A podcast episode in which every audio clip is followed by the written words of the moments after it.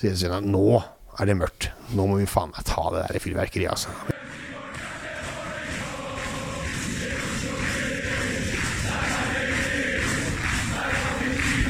Du hører på Stang ut på overtid, en lydfanzine om Vålerenga fotball. Ganske klare til å starte dagens eh, sending. Eh, I dag så sitter jeg med en som jeg introduserte som eh, tidligere talsmann, stadionforkjemper, arkitekt, bohem og deadhead. Velkommen skal du være, Christian Kjeldsen. Tusen takk. Det var kjempehyggelig å være husket på. Ja, nei, ja, du, som vi sa, du er jo en, en lavmælt kar. er Lett, uh, men det her, i denne sammenheng, går det ikke an å, å glemme innsatsen til Christian Kjeldsen. Nei, jeg håper ikke det. uh, vi sitter jo veldig fint til uh, inne på stadion. Ser utover gresset. Damelaget trener. Du ser over på Vårt sted. vårt sted, Mm. stå, ståtribunen. Um, hvordan kjennes det å se på, se på stadion herfra? Det har jo vært inne til dette studioet her før, og det er jo jævla fin utsikt. Men eh, sånn totalt sett så må jeg si at den stoltheten man føler på å få vært med på det, er jo liksom Når jeg går til match, Ja. kommer fra Økeren, går rundt hjørnet, og så hører du sånn halvveis på langsida, så hører du sånn tjatring. Hører lyden, liksom? Så lukter du burger. Ja. tenker du ja ja, faen det var verdt det allikevel. Det var greit. Det var absolutt greit, og det, er, det tenker jeg på hver gang. Det må jeg si. Uh, og for de som da ikke nødvendigvis kjenner denne historien så godt, så tror jeg vi begynner uh, litt motsatt av hva vi pleier å gjøre. Begynner på Twitter, vi. Fordi da fikk vi spørsmål ganske fort fra Shanten, Mhm. Capo på Østblokka, som spør Fortell om den lange prosessen med å få en egen stadion. Ja, hvor mange timer skal vi holde på her? Vi Så- kan holde på så lenge så lenge du vil. Eh, Nei, altså, altså for min del altså det, ja. det, det hvor, var, hvor kom du inn i dette her? jeg, jeg kommer faktisk inn i hele systemet uh, via det. Uh, fordi at eh, 2004 Altså Det hadde vært masse snakk om dette før. Altså mener, Kjell Grønningen lå jo og talte brukere på øh, plassen på Jordal for å se hvor mange som var der, for at man faktisk kunne lage stadion der i sin tid. Mm. Det er en fantastisk artikkel i eh, Det er vel fortsatt apestreken da i 495, hvor han har en artikkel om det. Men når det ble aktuelt, var jo 2004-2005, så gjør Erik Løfsnes noe kjempelurt. Og Erik Løfsnes. Det var Han var, da eh, sjef i Enter Eiendom. Eh, Sørenga var ikke bygget ut, men han bare får Dark arkitekter til bare ja, smelle opp en stadion på den Sørenga-stikkeren, og så får vi en diskusjon på dette her. Alle bare ja, da får vi stadion på Sørenga. Eh, men det var jo liksom ikke hele poenget. Eh, så satte noen andre i gang, altså Oslo Byaksjon med Fossen og gjengen, begynte da med å legge en stadion opp på sporområdene. Så ble det kjempekrig på- på Oslo S. så da vi er en del friske forslag her. Det er jo ganske mange kule forslag på det. Så kom dette i avisen. Eh, altså husker jeg Kjell på, var på Bohemen bare Nå blir det bare, bare kaos her, vi må bestemme oss hvor vi skal ha den. Så sier han slapp av, Kjell. Dette her er helt fett. Fordi at nå fordi det er opplegg på det, så blir det faktisk en diskusjon ikke om, men hvor. Eh, og det skjedde jo. For da satte plan- og bygningsetaten igjen ganske, ganske umiddelbart etterpå. Så satte de i gang med en sånn utredning. Hvor kan dette ligge? Og Det er en egen sånn rapport som kom i 2006 eller noe sånt. Sju, kanskje? Seks. Eh, og da laget vi noe som het Stadiongruppa til klanen. Til klanen? Ikke, Ja. det ikke Vålerenga fotball nå? Nei, det var klanen som Klanen. satte satt i gang. Det var eh, Hvor, hvor var eh, klubben da? Ja, altså Odd Skarheim var jo, satt jo i hovedstyret og klappet jo loffene på dette. Men de hadde ikke noen konkrete planer. De syntes jo på en måte Løfsnes var kult, alt dette var greit. Så det, det gikk jo på en måte noe Altså, det var jo målet, men man ante jo ikke hvor. Så da hadde vi et møte på Bohemen eh, og så dannet denne stadiongruppa. Det var Kjell Henning Thon, Kjell Grønningen, eh, Gjermund Northug og undertegnede, eh, og en del andre. Så da hadde jeg printa ut i en målestokk svære deler av Oslo, Oslo by. Klippet ut Ullevål stadion i samme målestokk i en sånn 40-50 varianter. Så var det klipp og lim og øl. Hvor er det plass? Hvor i Så dere hadde rett og slett lagd et Jævla svært kart. av byen, og så gikk dere rundt med en Ja, så, bare la vi, så la vi de eh, på. ikke sant? Vi har satt sammen jævla mange bord på VM-en, og øh, folk kom innom og bare sa ja, hvor, hvor passer det å ha den? Og så ble dette også oversendt da til, til kommunen, for da hadde de satt i gang denne, denne prosessen. Uh, og så er det en lang historie i forhold til frem og tilbake og tomt for dist og tomt for datt. Uh, så ble det denne saken med tomt for en krone her oppe. Som da ble en, en, en politisk sak. Hvor kom det fra, det med én krone? For det var jo eh, Altså, det, det, det, jeg, jeg husker ikke hvilket parti det var, men det var, det var et av partiene som foreslo dette. Ja. Og så ble det en Altså, media var liksom med på dette her, og det var, det var jævlig kult. Og nå er vi rundt to, Når er det, var det valg, da? Altså, dette her var jo fire to Jeg tipper dette var 2009, kanskje? Kan det være det? Sju-ni. Sju eller ni. Eh, da hadde vi jo et kjempesvært valgkamparrangement eh, i, i Valhall. Så vi, da inviterte klanen inviterte klanen? til valgkampdebatt om, eh, Inviterte om om stadion. politiske partier Nei. til å komme inn i Valhall og svare på hva de ville stemme. Ja, det var hjemmekamp mot Start det året. Så var det busser derfra etterpå. Eh, Og da var jo alle partiene ja, dette må vi prøve å få til, og sånn og sånn. og sånn, ikke sant? Alle prøvde å selge seg mest mulig inn, for da var det faktisk 2000 mennesker i Valhall eh, som drakk øl og skulle stemme da 14 dager etterpå. Ja, ja. Den eneste som var beintøff, det var han fra Høyre, eh, Mm. Som jeg nå ikke husker navnet på. Eh, Han bare Nei, jeg syns det er en kjempedårlig idé. Ja. Og ble sånn bu, bu, bu. Men altså, uansett, da, så tapte nå det. For det ble jo et vedtak til slutt i, Mm. i, i bystyret på at øh, Og vedtaket var ganske viktig. Én ting var at man fikk kjøpe denne tomta her for en krone, men du fikk også et, tilleggsvedtak om at man åpnet opp for at Vålerenga fotball kunne regulere eh, tilstrekkelig areal, slik at man kunne bygge stadion kostnadsfritt. Ikke sant? Altså du kunne selge ut tomter også. Men dette, å, dette er jo Dette er jo komplisert. Veldig altså, komplisert. Saksgang og ganske sånn tørr og i mine ører ganske sånn kjedelig jobb.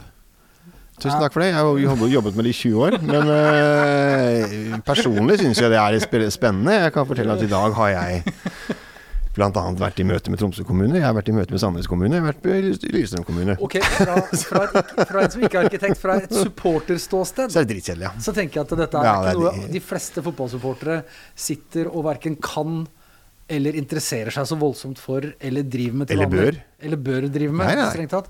Men øh, det, det var da et slumptreff der at dette var noe du faktisk kunne. Det er riktig. Ja. Og det, det visste jo Odd Skarheim bl.a., daværende styreleder i Vålerenga Fotball, å bruke til klubbens beste. Og det var jo veldig gøy å være med på. Det må jeg si. Ja. Ha det, TV 2. Ha det. Ha det bra. uh, ja, og han var da i utgangspunktet inne i klubben for å drive med stadion, og så ble han styreleder etter hvert. Og så skjønte han at eh, han Christian, han må vi Han han kan vi bruke. Han må vi, han må vi ta vare på. Så jeg var jo Hvordan var samarbeidet mellom dere? altså, Det var litt sånn Odd ringte og lurte på noe. Ja. Og så jobbet jo klanen hele tiden sånn øh, altså systematisk sammen med klubben. Uh, vi var i møte med Rune Gerhardsen, vi var i møte med altså vi, vi var jo alltid i disse møtene for å pushe på her uh, i forhold til det. Og så kom jo uh, Store-Oslo Eiendom med, med uh, Arild, husker jeg ikke hva han heter i etternavn. Uh, og Karsten. Uh, og de gjør også en kjempejobb i forhold til å berede grunnen, for det er en ganske kompleks sak da, å få en godkjent reguleringsplan her oppe. Eh, eller uansett. Eh, så, det var en lang prosess. Eh, og så til slutt så ble reguleringsplanen vedtatt, og så ble stadion bygget, og så plutselig så sto den der. Det gikk veldig fort på slutten. Ja, for, det, for en som ikke var så direkte involvert, så var det sånn det var mye møter og prat veldig, veldig lenge. Mm. Og så plutselig så skjedde det, og så sto den der i løpet av 18 måneder. ja, to år, skal jeg til å si, men altså det var mindre enn to år. Mhm. Mm. Nei, det gikk kjempefort. Og det, det, er jo, det er jo hele den lange prosessen i, i forkant som er, som er den frustrerende. Man visste jo ikke hvordan det skulle gå. Og klart etter vedtaket i bystyret så eh, sier man ok, greit nok, da har du fått muligheten til å bruke en masse penger på å kanskje lage en eh, plan for å kanskje bygge en stadion. Det koster mye penger. Eh, Så det som da klanen hadde eh, eget på årsmøte eh, umiddelbart etterpå, eller så var det ekstraordinært, det husker jeg ikke, så brukte klanen én million kroner som han ga til klubben. Da hadde altså supporter... Altså, klanen hadde- hadde- hadde hadde en million på bok. Flere millioner. Flere millioner. Ja, ja, det var riktig så holdent. men, men det var i hvert fall én million man kunne bruke på det, eh, som da ble gitt til klubben. Eh, men altså, hvor egentlig dealen var det at vær så god, sette i gang utredningsarbeidet, få dette i gang opp og stå. Eh, mot at eh, klanen får da en form for enerett til å drive pub i og sjappe i stadionkroppen hvis den blir ferdig. Altså, det var Det, det lå i den, den biten. Det som også er morsomt, er i den kontrakten så står det jo også det at den millionen uh, også da skal gjøres om til aksjer i stadion. Okay. Men jeg tror sist gang man regnet på det, så var nok egentlig ikke aksjekapitalen på denne stadion Da var den ganske langt under en million, så sånn teoretisk sett så eier klanen stadion, men det blir Stig Ove Sandnes blir veldig lei seg når vi tar det opp, men jeg syns det er ganske morsomt. Det, det, det, men det har man aldri gjort noe med. Det viktigste er at vi har øst, det viktigste, viktigste er at vi har sjappa, og et kjempestort uteområde foran øst. Men um, vi eier det, ja. Vi gjør det. Det er jo greit å ha det i bakhånd, liksom. Altid, det Ja, er sånn- alltid veldig gøy å ta det opp, Ja, føler jeg. Er det ikke mm. sånn Hvem i all verden skrev under på noe sånt? Men det, vi har den kontrakten et sted. et, ja, Noen har den. Noen har den. Er, sånn, eh, er ikke det fra en kjent film? Sånn eh, du får det gratis, men en dag så kan Så- det være du skylder ja. meg en tjeneste. Ja, og det er litt sånn. Så den eh, En givet dag så skal vi nok kose oss med den. Det er jo en uh... Ja, nei, men det, det, var, det var helt nytt for meg. Det var veldig morsomt. Det er jo kanskje sånn jeg, jeg, har ikke, som- jeg har ikke satt meg ned og Det burde egentlig skrevet, blitt skrevet ned kronologisk hva som skjedde og, og alt mulig rart, men det er en, eh, det er en lang historie, eh, og det var veldig morsomt å være med på det. Og jeg er veldig glad for alle de timene jeg har brukt på det. Husker du følelsen når du fikk beskjeden? At mm, de sa ja? Liksom. De, det ble, Ja, det var så mange ja, og så mye tilbakeslag, og så mye økonomi her, og rekkefølgekrav der, og sånne ting. Men det jeg husker, var den åpningshelgen. Det, det var ganske kult. Altså, når stadion stadion vi åpna. når vi sto der og bare liksom Fy faen. Det ble noe av, ja. Ja. Dette var vilt. Hva, hva husker du fra den? Hva var kampen? Hva, var, eh, hva gjorde du? Nei, det var jo selvfølgelig nok en kamp som Vålerenga tapte. For det er klart, hvis man skal Det var jo kjempeutsolgt. Ja. Det var så utsolgt som det kunne blitt, og det er jo be om dritt. Så vi tapte 300 på Sarpsborg. Ja, nei, ja, jeg var der. Jeg husker også det som en veldig, veldig sånn, Visste ikke helt hva jeg skulle forvente, men det var en veldig sånn dag med mye forventning. Det var, du merka det var masse folk på bussen, det var sånn prat om fotball. Det var en veldig sånn derre Det var en stor buzz. Definitivt. Vi samlet, samle, ble samla oss hjemme hos en, en kompis som bor ikke så langt unna her, og, og liksom eh, snakka, og hadde, hadde, noen hadde liksom sånn skjerf sånn, var det, hadde lagd sånne egne skjerf som 'Velkommen hjem' eller et eller annet sånt. Så det, var, eh, Det ble jo laget var- masse ja. greier. Altså, Det var, det, var en, det var en veldig, veldig Man visste ikke helt hva man skulle forvente av å ha en egen stadion, men eh, når man kommer rundt den svingen ved den der eh, bruktbilsjappa eller hva som ligger der nede, og ser opp, og det er flagg oppover hele, og du ser en, en ordentlig stadion Jeg hadde jo vært oppe og gått tur og kjørt forbi og liksom sett på bygginga underveis og sånn, men å komme rundt der, og det var liksom fotballkamp det var, eh, Jeg syns det var kjempestort, så åssen det må ha vært for dere, det tør jeg nesten ikke tenke på engang. altså, det, ja, det, det tok liksom en del matcher før man skjønte at det faktisk var reelt. Så, så det var egentlig som altså, sesongen etterpå. Altså, Det åpna vel her i september. Altså, det var hele den sesongen etterpå som var sånn Ja, dette funker jo.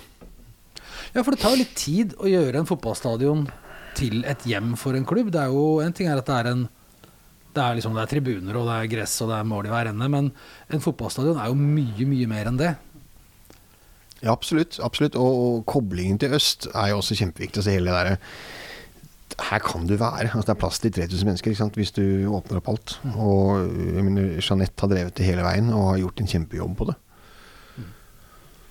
Men det er også at man kommer inn et sted, og det, at det, det har blitt litt slitt. Det har vært gått noen, eh, liksom, noen tunge turer eller noen eh, glade steg over det gulvet. At du har opplevd noe sammen med, sammen med venner eller sammen med folk du ikke kjenner, som kan være like intenst. At det har, knytter seg litt sånn følelser til en hjemme...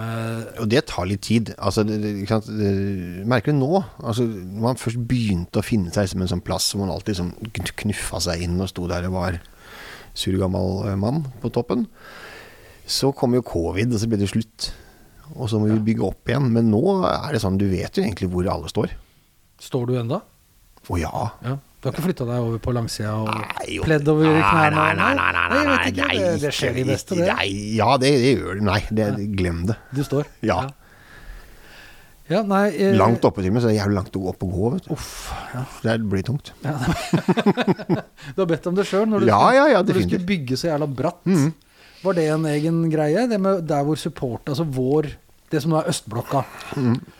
Så bratt som overhodet mulig, men det har litt med, med, med byggegrenser å gjøre også. at Den måtte bli litt brattere. Ja.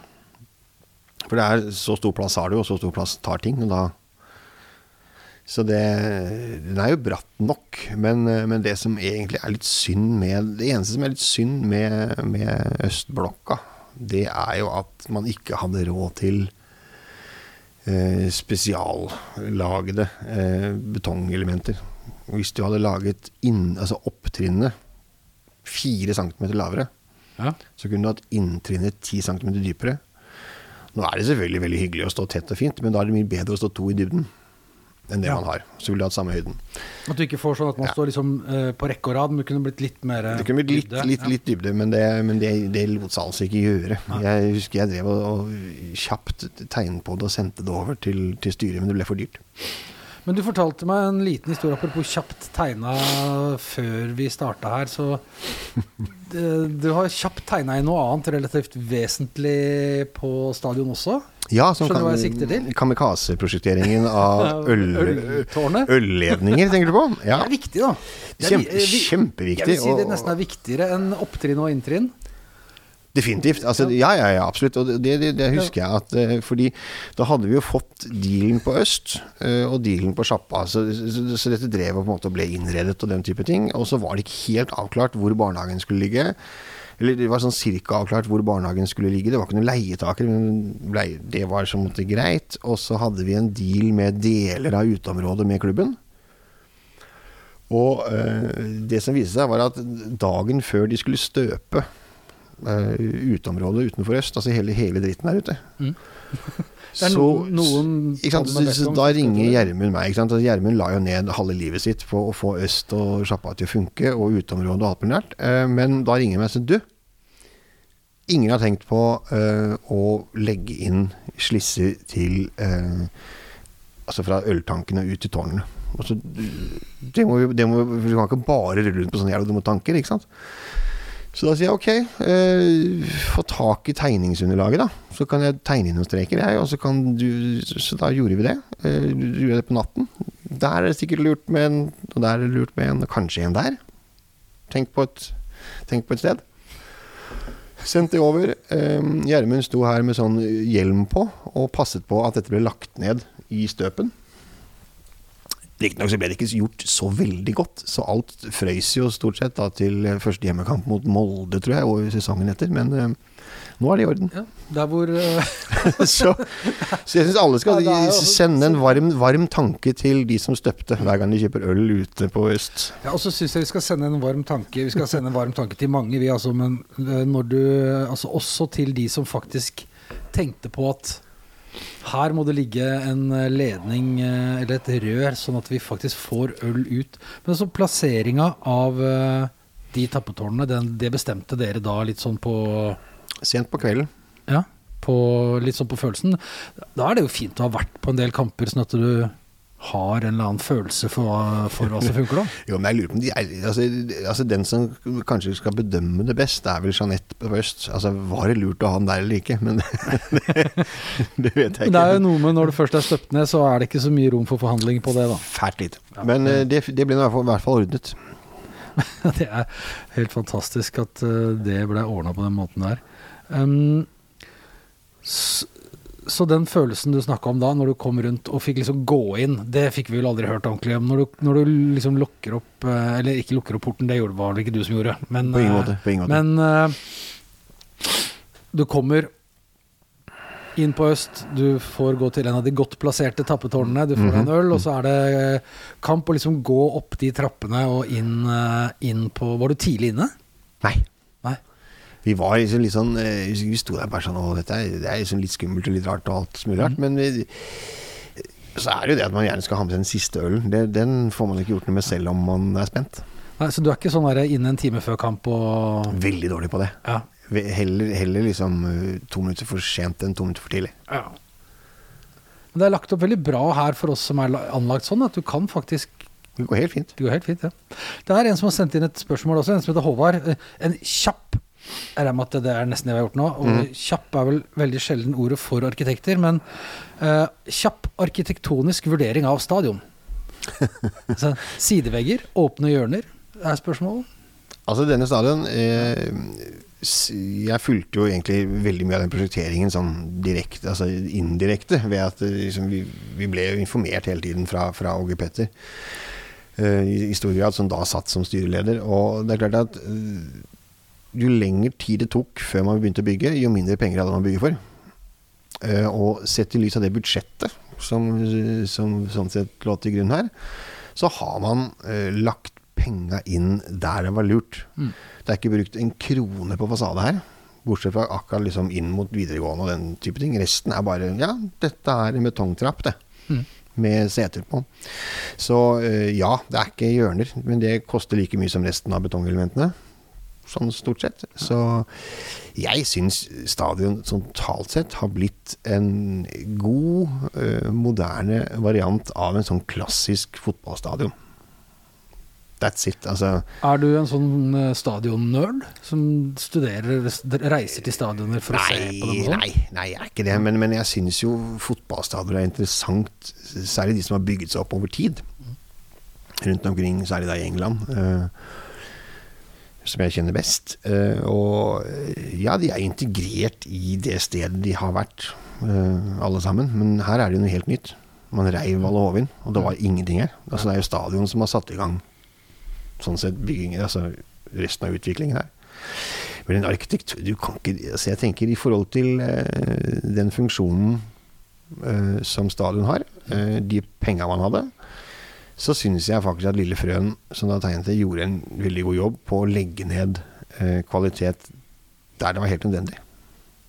Det kunne selvfølgelig vært et eller annet sånt architectural masterpiece, men eh, det får Bayern München og sånn holde på med. Jeg syns dette er helt strålende i forhold til stedet det ligger, hvem som spiller her, hva vi har. Vi har betong, vi har riktig farge på setene, eh, vi har pub, og vi har trapp, og vi har det som Helt fett.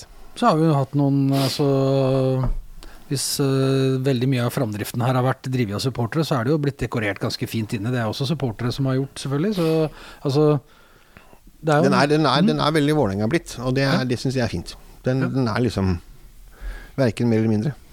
Mangler alltid litt i hjørnene og sånn. det er fint, det.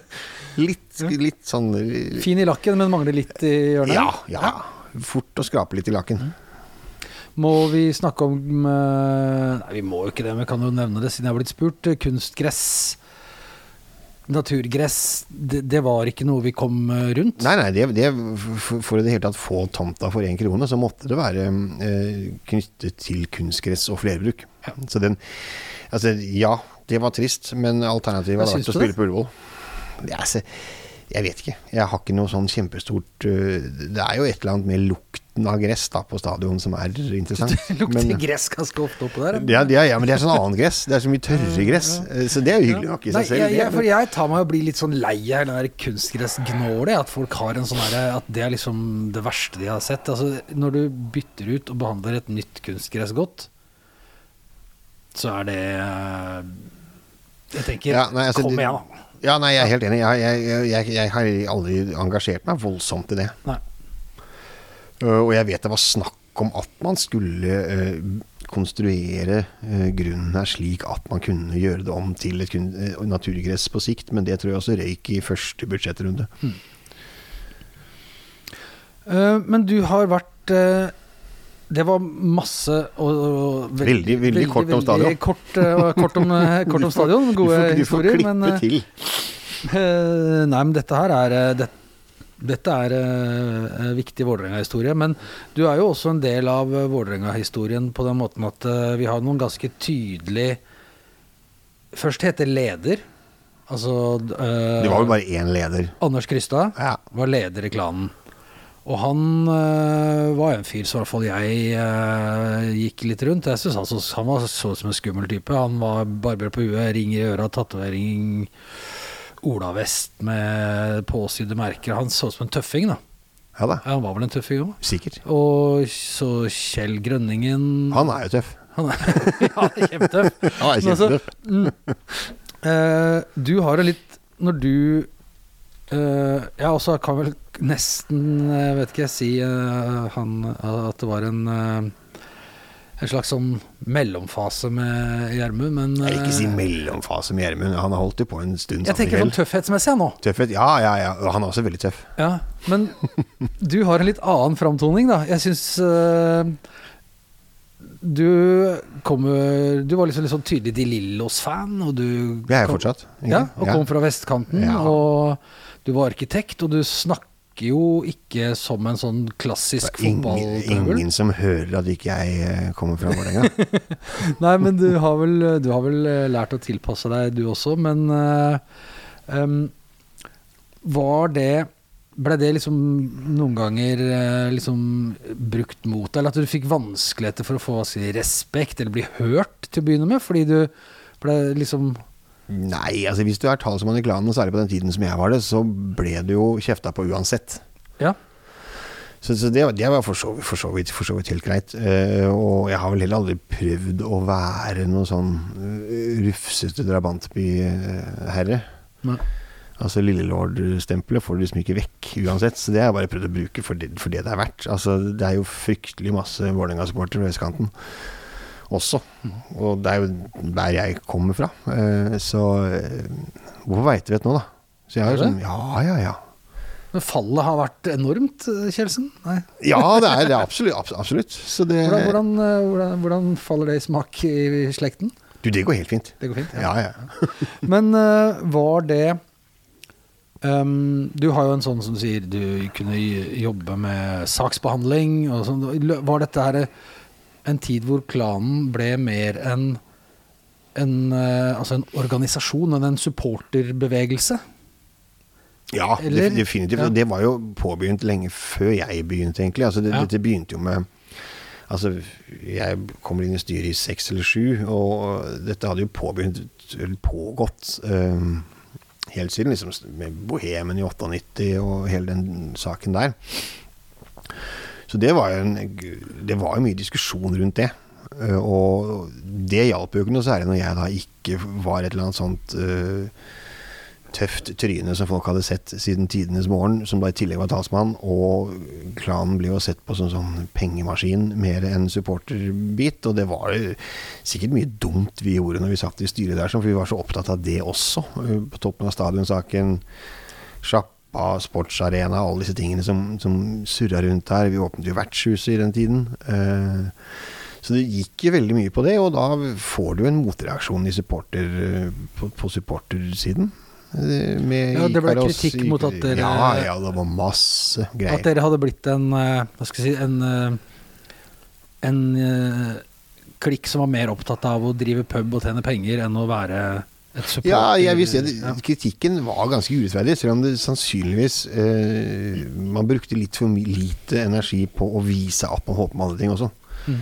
Vi holdt på like mye lenge på å mase Pål Breen for å få ståplasser på, på Gaza, liksom. Så det Og jeg har vel båret flere stoler sånn tidsmessig enn jeg har eh, drevet med regnskap.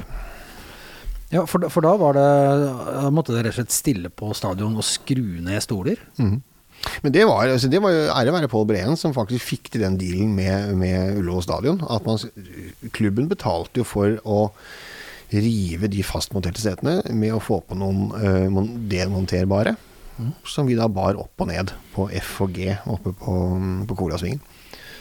Så hadde Anita Aleksandersen ordnet med to konteinere som vi stablet de stolene i. Så det var mye bæring. Mye bæring og mye pizza. Mye bæring, og mye pizza.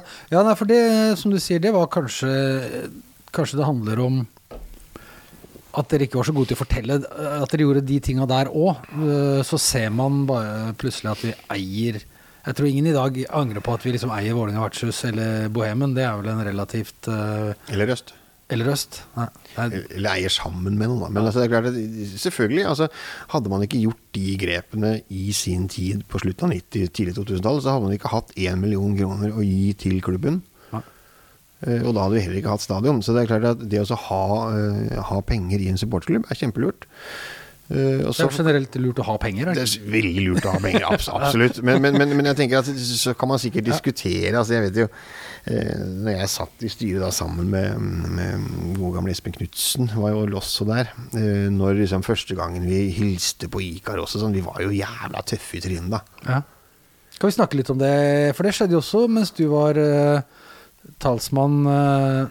Kommer, kommer litt nærmere. Mm, litt nærmere sånn, ja. For det var jo også i den tida hvor den uh, si, ult, gryende ultraskulturen banka litt på uh, i her sånn, og så var det veldig mange av oss som sto på utsida som ikke helt visste hva dette var for noe. Og så var dette liksom en ny måte å liksom snakke om at det var Eh, og så var altså dette med liksom, Vi hadde hatt Royal League hvor det hadde vært noe slåssing, og at det var en, egentlig en, si, en flott arena for å lære nye ting i utlandet, men Ja, det er for så vidt det er jo greit. Altså.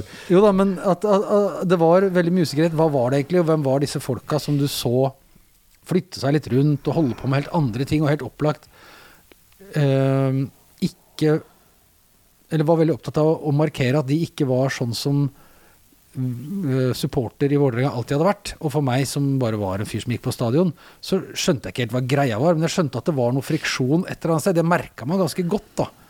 Um, ja da, og jeg tror at vi som satt i styret, i hvert fall i den tidlige perioden der, sånn, før man faktisk måtte ha en litt mer fornuftig dialog på dette, vi var, vi var ikke noe greie, ikke sant.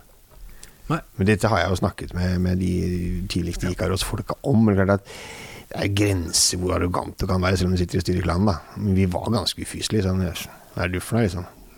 Ja, vi, vi, vi, det, det har, vi har lovet det, det, å ha med representanter fra begge sider for en egen episode om det. Men mm. når du ser tilbake, kunne du løst det der bedre? Å oh, ja, ja. Mye bedre. Hvorfor ble dere så var, var, Følte du liksom klanens posisjon trua, eller var det bare det var jo et eller annet altså, Det var dette med liksom Da hadde liksom det gått en sånn trommediskusjon, og det var sånn altså, Man skulle liksom altså, Jeg tenker at det var eh, Jeg kan godt ta på meg mye av skylda for at det ble litt gnisninger og drit der, sånn, fordi at vi sa nei, nei, sånn har vi alltid gjort det, så bare Ta av deg den sorte hetta, du, og så ta på deg noe pent hjemmestrikket Vålerenga-tøy. eh, ikke sant? Altså, Skjerf rundt halsen og en knute. I hvert fall maks. så Nei, altså, det, det, var jævla teit, eh, egentlig. Jeg tror man kunne løst det der eh, i sin tid mye, mye bedre. Og jeg tror sånn som stemninga er på Østblokka den dag i dag, er sånn som det egentlig potensielt kunne vært ganske raskt. Ja. Hvis eh, sånne som, som meg da hadde fått liksom, huet litt ut av ræva med en gang. Men de var også jævla tøffe i trynet, da, ikke sant. Ja. Hvor gamle og, var de da, når de liksom uh, trappa opp og krevde sin plass? Det var ikke Jeg vet ikke, du får spørre dem. Ja, vi, vi, var, vi, var, i hvert fall litt eldre, uh, men ikke så jævla mye eldre. Men, men, det var liksom det at vi kom jo så ut av et ikke sant? Jeg har jo sett opp til de som var kjempetøffe da, på 80-tallet. Ja. Og liksom ville jo trekke den tradisjonen videre. Ja. Så godt det lot seg gjøre. Selv om man ikke var i det samme miljøet og var den samme typen. Men, men det var liksom viktig for meg, og da, da, ble det viktigere enn å la noen yngre med trommer og sånne ting. Ja, fordi altså supporterdelen av deg og tribuneliv og sånn, det er jo en veldig viktig del av uh, veldig mange menneskers identitet. Sånn hvem er du? Det å være en fotballsupporter, det er jo klart at det er en stor del av, uh, en stor del av hvem du er. Så hvis det utfordres, så er det ikke så rart om man blir litt sånn derre men så er det liksom, liksom hvordan kommer man inn i det å plutselig begynne å gå på fotballkamp øh, sammen med noen man kjenner og blir kjent med? Det, øh, for min del så kom det liksom litt sånn via blitz og musikk og sånn igjen. Altså fra jeg, var, liksom, fra jeg var liten, så var man jo på Bislett og så på fotballkamp. Ja. Så var det mange, ja, har du gått på kamp siden du var liten? Ja, jeg, jeg, jeg, var på, jeg, jeg, var på min aller første kamp i 81. Eh, fordi at da var moren til en, en kompis av oss. Hun hadde mulighet til til å, gi oss billetter av og til. Og så flyttet mine, altså min mor og far skilte seg, og så flyttet jeg med min mor ut til Langhus. Hun bodde der i tre år. Sånn utlendighet. Og da var naboen der, hadde sesongkort på Bislett, så han ble med hele tiden. Men for min del så var det ikke eh, altså Det å være supporter, sånn litt sånn tøff, tøff i trynet-supporter, det kom jo for så vidt med koblingen Blitz, Blitz Glan Bislett. Ja, så du, du Så, så var en fyr som hang på Blitz var egentlig også? Her var det kult, kult å være og drikke øl og se på noe middelmådig fotball, og det er i og for seg det jeg bare fortsatt, fortsatt med. Ja, Å være litt sånn motkulturell og Ja. Det er Lillelord igjen, da, ikke sant. ja. Fikk du noe igjen for alt dette opprøret ditt når det var familiemiddager og sånn, eller? Nei, fins ikke. Ingenting? Nei, min, min far er jo fortsatt det eldste medlemmet i Bastionen sammen med Finn Bjelke, men det, det får en annen sak. Altså, Jøss, det visste jeg ikke. Det er interessant, det òg. Ja, han har jo alltid heiet på Lyn, men han har jo meldt seg ikke inn i Bastionen før jeg ble talsmann i klanen. For å si det sånn. Men det kan man ta i en, en, en en kordial tone over eh, over søndagsmiddagen hjemme hos familie Kjeldsen. Det gjøres det. Ja, men det er godt. Mm. Eh, hvordan er ditt forhold til Lyn da? Når, siden far din er uh, Lyn-fan? Jeg har sånn ikke-forhold til Lyn. Eh, de, de, de, er, de er liksom rundt oss så De er egentlig bare en historie, og så av og til så er de rundt oss, og så forsvinner de igjen. Jeg har ikke noe Det var jo selvfølgelig jævlig irriterende alle de årene hvor vi aldri greide å vinne. Og antiklimaksen når vi først vant, når de var konk og ferdige. Ja. Men det har liksom bare ligget der. Altså det, Lyn er bare noe man synger om, og noe man håper skal bli en, en rival. Og de er jo ikke der. Nei, for det var, det var litt det jeg tenkte. Håper du at Lyn rykker opp igjen, så vi får en uh, rival på øverste nivå? Jeg håper jo at vi i hvert fall får et Oslo-lag som det går an å, å ha noe match med, øh, og hate litt. Eh, Jo, men det er ikke noe alternativ til Lyn da? Finnes ikke. Nei, det, det blir ikke Kjelsås, det blir ikke Grorud. Eh, Eller? Skeid, eller Nei, i hvert fall ikke Koffa. Nei, det er jo bare stakkar, det er bare tull. Men, men at, nei, altså det hadde vært mye bedre å kunne bruke livet sitt på å glede seg til Derby mot Lyn, enn å grue seg til å dra til stasjonsbyen. Da. Ja. Jeg er helt enig Ja. Det, nei, det, og den derre Når vi endelig da vant øh, den kvelden Det var, var ikke det som, som var satt som veldig seint på kvelden? Skulle være sånn spansk eh, greie Spansk tid? Jo, men altså, kampen gikk veldig sånn Ja, det, men, nei, det, var, det, var, det var ikke mer enn åtte. De Men som altså, hadde bygd seg opp til at nå skulle det endelig skje, og når det endelig skjedde, så var det litt sånn derre ja, Da hadde de liksom gitt seg alt. ja, det var, det var ganske antiklimaks, altså. Det, det må jeg si. Men da hadde vi fått begravd altså det derre Derby-spøkelset som de trakk opp år etter år. Og de hadde helt rett! Det var sjukt Ja, irriterende. spøkelse og spøkelse Det, det var selvfølgelig det ble et spøkelse, fordi de snakket om det. jo, fordi vi snakket så jævlig mye om det, men du må huske på at, uh, at uh, Vålerenga de spilte jo ikke mot Lyn mellom 81 og 2002. Nei, og da hadde vi heller ingen mulighet til å slå dem på alle de åra. Så da Nei, så, det var jo opp og ned over forskjellige avdelinger og, og hele greia der. Så, jeg men det skal sies at jeg var faktisk og så 4-2-seieren på Ullevål stadion i 81. mm. Har jeg blitt meg fortalt. Jeg kan ikke huske det så godt, men jeg var visstnok det. Det er noe å ha i minneboka. Ja, jeg syns kanskje Ja, 2002 var kulere. sånn, jeg synes det var en eh, ja. Eh, Nei, men det, altså, det var jo en sånn Når det skjedde, så alle godta seg jo. og Liksom, ha, der kan de få liksom eh, Og de hadde hatt den der Atle Brynestad-historien med smartklubb, og det var liksom veldig sånn. Kegolainen lenge. Men når de først gikk konk, så, så koste vi oss jo voldsomt. Og så gikk det ikke så veldig lang tid, for det, det er bare tilfeldigheter at det der ikke er Vålerenga. Å ja, ja, ja. Definitivt. Det kunne de, de, de kunne vært Men klart, de hadde en litt annen struktur og alt mulig sånt, men, men, men allikevel det, det, det Nei, altså Totalt sett, ja. Eh, se nå, lær dere å spille fotball og ta de sponsorene fra alle de andre, og sett noe i gang, da. Så de kan komme seg i hvert fall opp i Obos. Ja, det ser jo ut som de er på god gang, egentlig. Gjør det ikke det? Oi, ja, det var du. Ja, bare de er på god Er de nå det? Det er et stykke opp, altså. Det er et stykke opp, men de har noe par, eh, et par eh, opprykk på rad. Og skal ikke dette her handle om Lyn, altså. Men eh, det Nei, men det, altså, heller, heller det. Og så Ja. kan vi liksom uh, ha disse andre kokoslagene som noen sånn B-darber. Men i den perioden du var uh, um, Sa dere leder eller talsmann? Eller, Talsmann, altså leder, ingen som har vært leder. Det var bare Krystad som var leder. Ja. Selvutnevnt Sjef. Selvutnevnt sjef. Ja, ja. Talsperson? Nei, det kom etterpå. Det kom etterpå. Jeg hørte nå at eh, det var fremdeles noen som eh, mente at person var for tidlig å innføre i klanen, men det får bli en eh, Det får Det, for, det, for, å, det er så fint at jeg behøver, jeg behøver ikke forholde meg til det i det hele tatt. Du slipper det. Men klanen var jo kjempestor en periode, når du Ja. satt i styret. Veldig så mange medlemmer. Enormt stor. Mm. Vi snakker om 13 000-14 000 medlemmer, eller? Det er 14, jeg tror det er 14 002 eller 14 003 er vel det høyeste tallet som har vært. Og så, mens du var da La Så oss gikk rett i dass, ja. Ja, det var det jeg skulle si. Ja da, det- tal, takk. talsperson. Visste- så, ja, ja. så mista vi jo kjapt halvparten av dem. Veldig mye. Eller kanskje til og med mer. Det gikk, det gikk veldig nedover. Altså, klart, dette, dette her var jo eh, ting som hang igjen fra fem og seks. Så var, var vel de høyeste, høyeste tallene. Mm. Vi ble seriemester og Ja, og så holdt det seg litt, og så var det litt sånn oppsving rundt cup- cupfinalen 2008 og sånn. Eh, Men så gikk det ganske radig nedover, altså.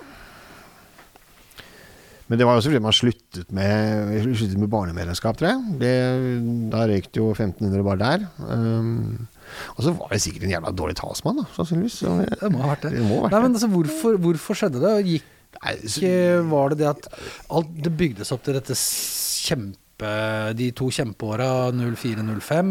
Som også sammenfaller med de høyeste tilskuertallene i, i, Norge, i Norge og TV 2 og alt det der. Sånn, så, ja, og så ble det bare dårlig dårligere og dårligere. Altså, Vålerenga har vært fryktelig dårlig i den tiden jeg har vært talsmann. da.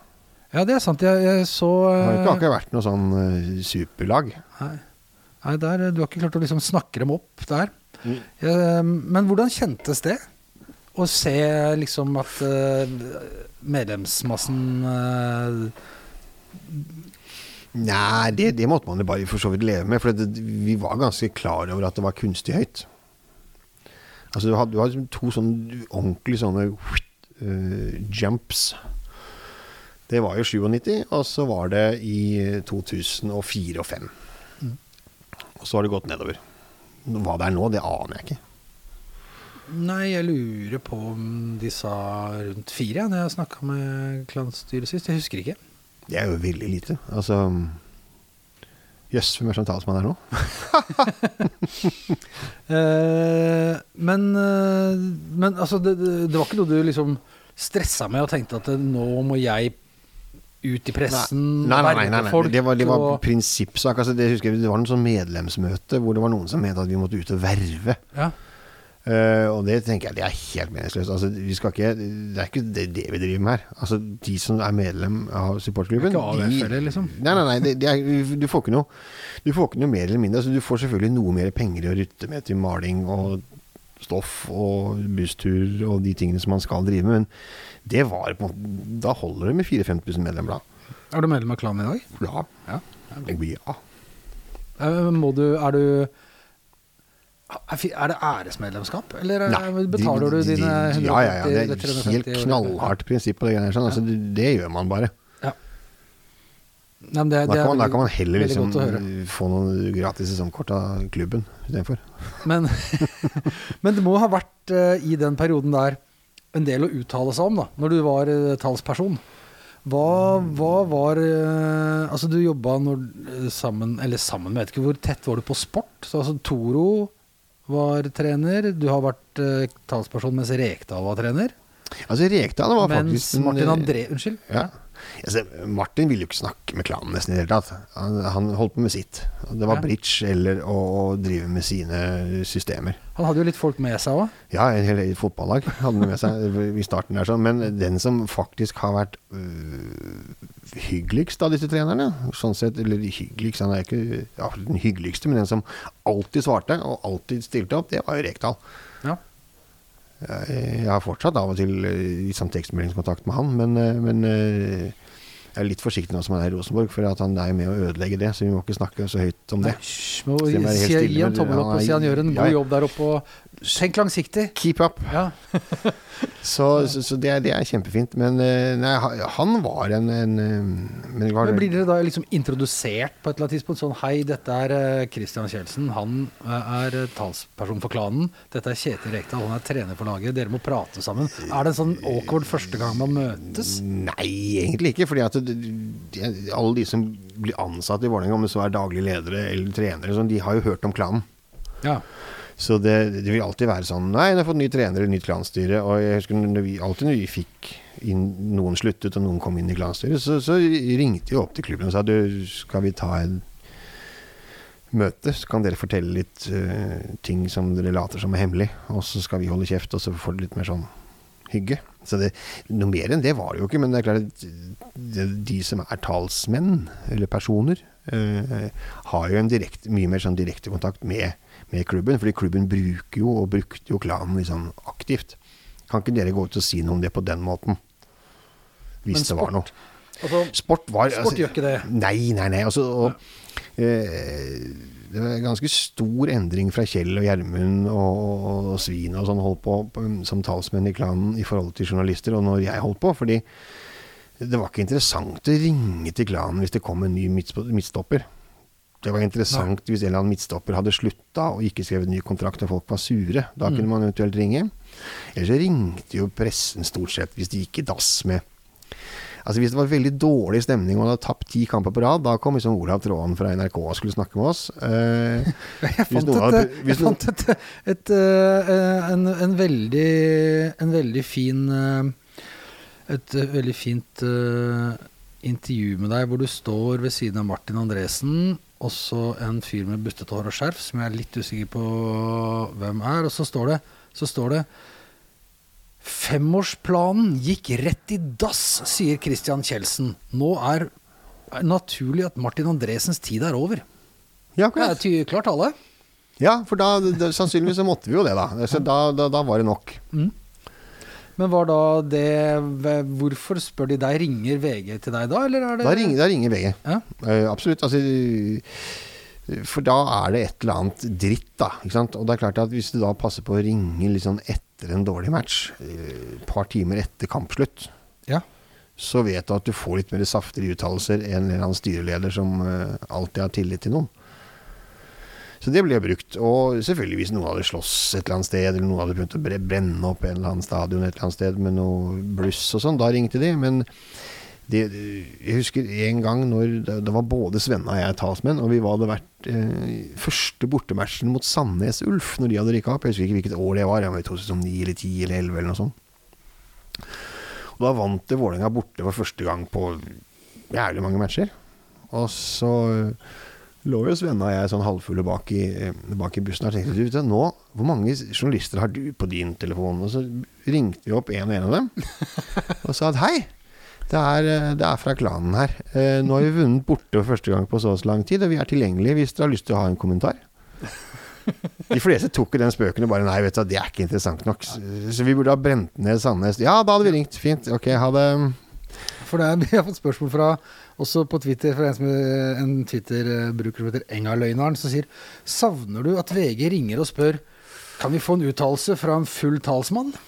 Ja, det, ikke sant? Det er sånne unge folk som har kommet seg inn i klanstyret og er frekke på Twitter. Det er det verste vi veit. Men um, altså, de spurte jo ikke om det, de bare antok det. De regnet med det. Bare sånn OK, matchen var ferdig ni, ja. Vi ringer han halv elleve. Han, han var ikke på vei hjem da. Vi ringer han halv elleve. Og da måtte du svare, eller bare Ja, da svarte jeg som regel. Jeg hadde ikke noe, noe skam rundt det. Nei. Altså Men fikk du, ble du følte at du ble liksom sånn, hva er det de sier på engelsk, stereotyped? At de liksom tenker at Der han er derre fotballduden, og han er sikkert eh, full og sier noe teit, så jeg ringer til han, og så møtte de, visste de ikke at de møtte selveste Lille Nei, det var nok mange som gikk på. Det var kanskje derfor det ble mindre telefoner etter hvert. Men, men det, det, det er nok riktig. Altså, de, de, de, de ber jo om noe og vil ha noe. Altså, Men følte du deg liksom undervurdert på et eller annet vis? Av, Nei, du trodde at nei, du var dummere enn du jo. var, eller nei, du, du, du vet jo hva du er satt til. Og du skal jo på en måte si et eller annet som gjerne kommer opp som et sitat de kan bruke, da. Mm.